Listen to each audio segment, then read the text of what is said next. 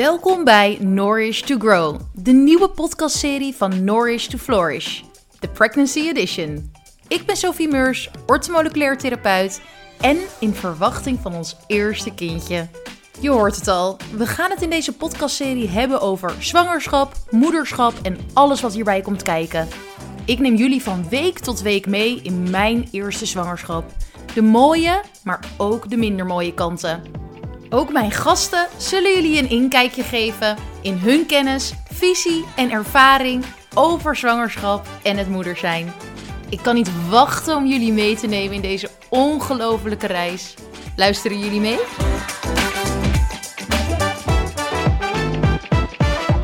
Yes, week 18. Daar zijn we weer met de Nourish to Grow podcast. En we zijn nu vandaag beland in week 18. En in week 17 ging ik lekker naar Griekenland. In week 18 was ik nog steeds lekker in Griekenland. Dus we gaan kijken wat uh, ja, deze week dan anders heeft gebracht. Of misschien wel wat leuke verhalen uit Griekenland. Dus stay tuned en daar gaan we. Nou, zoals jullie weten zat ik dus lekker met mijn billen in het zand van Griekenland. En um, ja, wat hebben we daarover te vertellen? Sowieso, vorige week hebben jullie gehoord dat rust echt... Nou ja, daar kwam ik eigenlijk echt achter in week 18 van... Ja, dat heb je gewoon echt nodig. Dat is gewoon zo belangrijk en onderschat. En ik onderschatte dat gewoon onwijs tijdens de zwangerschap. Dus rust, rust, rust, rust, rust. En ik heb het er onwijs van genomen. Want wij gingen gewoon lekker ochtends rustig opstarten met een ontbijtje op onze patio van de Airbnb. Dan gingen we naar het strand. We gingen geen moeite doen om nieuwe dingen te ontdekken. Nou, je hoort het al. Het was gewoon mega lekker ontspannen en niks doen. En in deze week ben ik begonnen aan het boek wat ik voor mijn verjaardag had gekregen. Namelijk Jagen, Verzamelen en Opvoeden. En ik zou heel even 1, 2, 3 niet weten wie de schrijfster is. Ik ga dat even checken. Jagen, Verzamelen en Opvoeden is van Michaeline Duclef. Het is een Amerikaanse wetenschapsjournalist. En het is mega inspirerend. Zij is namelijk een, uh, nou ja, een wetenschapsjournalist dus. En zij heeft al veel onderzoek gedaan in haar hele leven. Nou, kreeg een kind en vond dat toch wel een ding, het opvoeden. En ging dus ook vanuit de wetenschap kijken van, nou, wat staat daar dan over opvoeden in? Um, wat voor een, uh, uitkomsten, wat voor een adviezen worden er gegeven? En daaruit bleek dus dat ook ja, de wetenschap niet altijd alle kennis in pacht heeft. En dat vond zij dus ook wel een uh, mooie ontdekking daarin. Dus wat ging zij doen? Zij ging wel haar eigen wetenschap daarop loslaten en haar eigen onderzoek doen. En is dus naar drie stammen gegaan uh, over de hele wereld. Dus in Mexico eentje, in uh, Groenland, als ik het goed zeg. Of nou, in ieder geval boven Canada, die eilanden. En uh, nog een stam waar ik nog niet aan toegekomen ben, want ik ben nog aan het lezen in dit boek. En daarin uh, doet zij dus onderzoek naar hoe deze stammen, deze primitievere stammen, hun kinderen opvoeden. Want er is gebleken dus dat deze stammen inderdaad hun kinderen het meest ja, laten samenwerken. Dat ze behulpzaam zijn in de keuken bijvoorbeeld, in het huishouden. dat er minder strijd is tussen de ouder en het kind. Nou, al met al nemen ze je dus helemaal mee door die stammen hoe zij hun kinderen opvoeden en welke tips daaruit uh, meegegeven kunnen worden. En dan vind ik het ook interessant om te benoemen dat ze op een gegeven moment ook benoemt over dat er in 1991, volgens mij was het, of ergens in de jaren 90, het advies werd gegeven om kinderen geen pinda's te geven om een notenallergie te voorkomen. En dat het vanuit een onderzoek naar voren was gekomen en dat dit dus ook echt een wetenschappelijk advies was. En uiteindelijk um, bleek dus dat de kinderen die dus onthouden werden van die noten of van die pinda's, juist een pindaallergie ontwikkelden.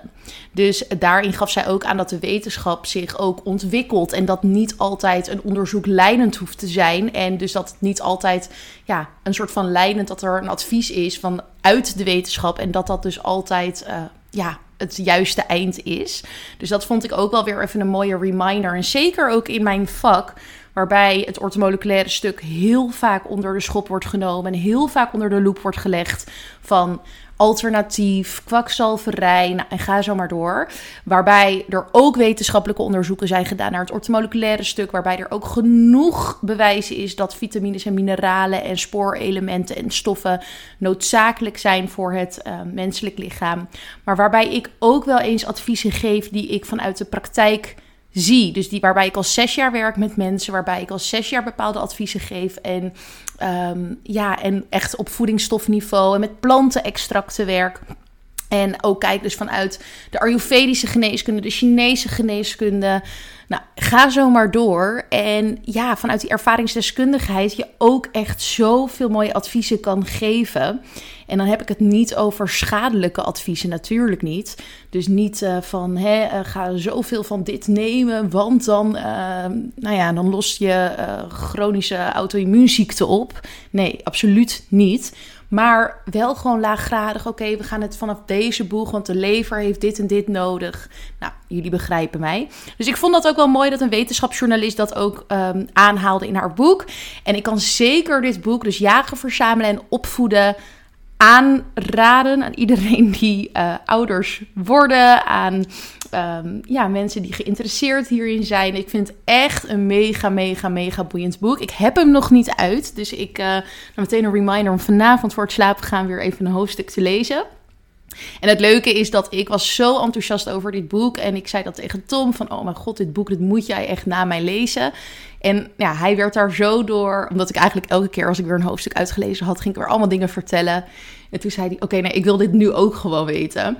Dus hij had uh, Storytel gedownload op zijn telefoon en is op het strand dus lekker het gaan luisteren. Dus ondertussen luisterde hij natuurlijk sneller dan ik las. Dus waren we op een gegeven moment ook bij dezelfde hoofdstukken. En dan was het ook zo leuk dat we s'avonds bij het eten gingen we dan discussiëren over die hoofdstukken. En gingen we het er dan over hebben. En ja, wat zijn zienswijze daarop is. En wat hij daar bijvoorbeeld uh, voor voelt. Dus je krijgt ook echt leuke gesprekken omtrent het ouderschap en opvoedstijl en dergelijke door dit boek. Dus ik kan het echt iedereen aanraden. Ik vind het echt een fantastisch boek. Verder deze week ben ik natuurlijk in de zon. Dus wat is nou belangrijk om te weten wanneer je dit luistert en de zon schijnt volop of je gaat ook op zonvakantie? Is dat je een makkelijker een zwangerschapsmasker ofwel pigmentatie in het gezicht of ergens anders op de huid kan krijgen door de zon. Dit komt door de hormonale veranderingen in je lichaam, namelijk voornamelijk oestrogeen. Namelijk voornamelijk oestrogeen. Oestrogeen-dominantie kan in het lichaam zorgen voor meer pigmentatie, ook wel melasma genoemd, op de huid. Ik heb wel eens in uh, mijn praktijk mensen behandeld met een uh, hormonaal disbalans die niet zwanger waren en dus een oestrogeendominantie hadden, die dit dus ook kregen, die dus ook last kregen van pigmentatie op de huid.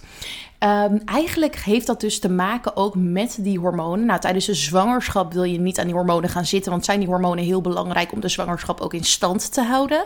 En uh, ja, gewoon goed te laten voltooien, volbrengen. Dus dan wil je niet aan die hormonen gaan zitten. En is het dus heel belangrijk om je huid te beschermen. Nou, er zijn er ook weer heel veel meningen over wel of geen zonnebrand smeren, zonnetraining. Normaal gesproken sta ik daar ook 100% achter, omdat ik geloof dat wij onze huid in ons pigment heel goed kunnen trainen tegen uh, het zonlicht, of in ieder geval voor het zonlicht. Ik denk niet dat het iets negatiefs hoeft te zijn. Wij hebben jaren in de jager-verzamelaartijd, onze voorouders, zonder zonnebrand geleefd. Dat is ook altijd goed gegaan. En um, in die zin kan je je huid dus ook echt trainen om uh, ja, sterker te worden en dus niet te verbranden. En dat verbranden zorgt juist inderdaad voor uh, carcinomen of carcinogenen. Dus inderdaad, um, nou ja, kanker om het even zo te zeggen. Ik vind dat zo'n hard woord. Ik zeg het altijd liever niet. Maar goed, um, het is what it is. Ik ben wel voorstander van wanneer je dus niet aan zonne, zonnetraining doet, om je huid wel te beschermen. Want wanneer je dus. Wat is zonnetraining trouwens?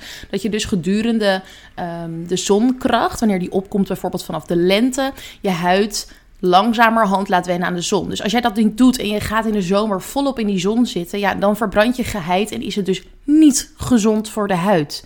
Dus vandaar dat ik uh, daarin ook een nuance wil aanbrengen. Ik ben niet tegen zonnebrand. Ik ben alleen voor het voorstander voor de educatie. Waarom wel zonnebrand, waarom niet? En waar wil je dan op letten qua zonnebrand? Op allemaal toxische stoffen die erin zitten, zonnefilters en dergelijke.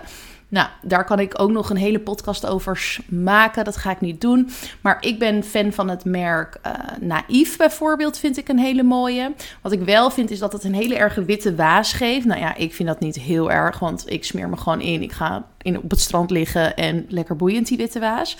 Um, maar ik kan me voorstellen dat wanneer je op het terras gaat zitten en je wil er leuk uitzien en je hebt een leuk make-upje op, dat dat wat minder gezellig eruit ziet. Dus uh, Naïef vind ik is inderdaad een mooi merk. Young Living werk ik mee. Die heeft mooie zonnebrand. Um, verder gebruik ik van Lois Lee de Screen Sunscreen. Nou, wat houdt dat in? Dat is een um, ehm, UVB, UVA beschermer. Maar ook een beschermer tegen blauw licht. Want wist jij dat jouw laptop, jouw telefoon en dergelijke ook licht uitstralen die door kan dringen tot de huid en voor huidveroudering kan zorgen. Dus daarvan gebruik ik de Screen Sunscreen. Dat is ook op natuurlijke basis, zonder toxische stoffen. Dus nou ja, dit zijn dingetjes die je kan gebruiken. Ik heb dus de zonnebrand van Naïef gebruikt. Lekker factor 50. Lekker dik opgesmeerd. En ook veel uit de zon gezeten. Of half in de zon, half in de schaduw. Of een petje op. Of dus inderdaad onder een parasol. Dus het is wel belangrijk tijdens de zwangerschap om daarop te letten. En niet vol te gaan bakken in de zon. Want dat kan dus echt zorgen voor pigmentatie in het gezicht. Of ergens anders op de huid. En dat is gewoon heel moeilijk weer ja, terug te draaien. Het kan zeker wel. Ik heb bijvoorbeeld wel eens een behandeling gehad, uh, microneedling. Mega fijn vond ik dat. Dat is gewoon ook natuurlijk. Ze gaan gewoon met naaldjes gewoon heel snel een soort van in de huid. Uh, met een apparaatje. En daardoor uh, wordt je collageen geboost. Daardoor uh, kunnen fijne lijntjes verdwijnen. Maar kan dus ook pigmentatie verwijderen. En ik heb dus een voor- en na-foto. Dus dat is echt, ja, ik kan hem wel ergens delen.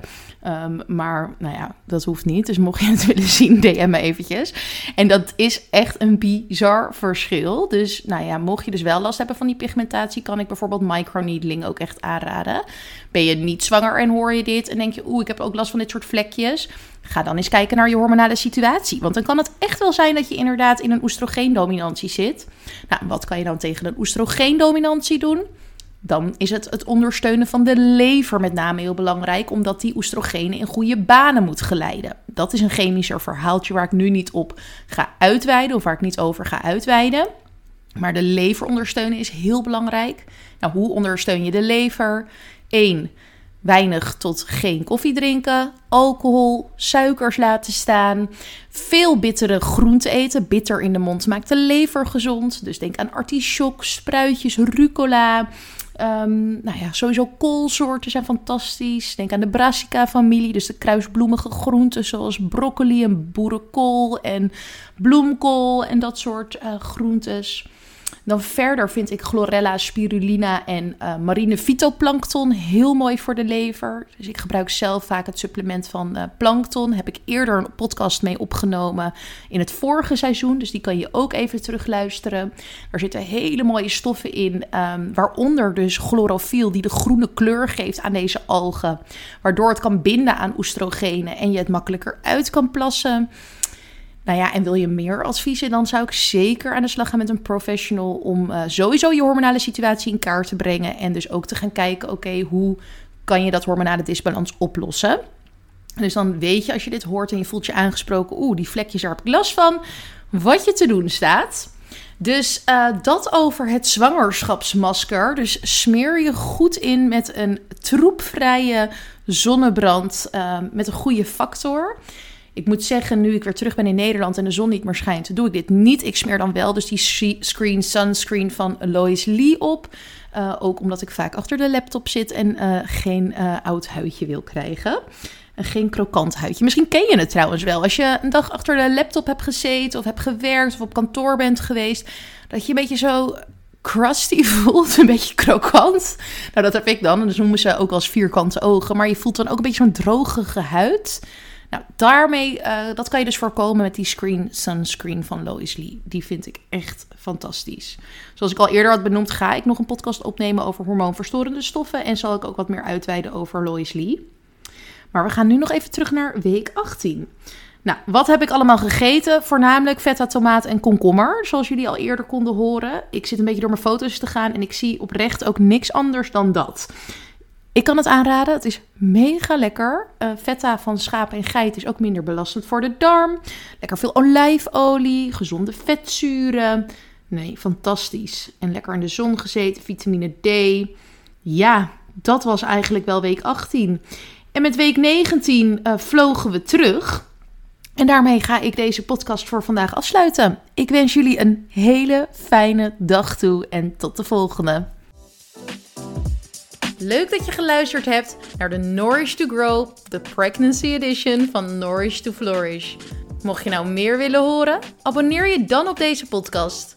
Mocht je het echt super leuk vinden, dan zou je mij er enorm mee helpen om deze podcast 5 sterren te geven en te beoordelen. Als je contact met mij wil, iets wil vragen of iets wil delen, stuur mij dan gerust een berichtje via Instagram at Mijn naam is Sophie Meurs en ik wens jou een hele fijne week toe. Tot de volgende keer.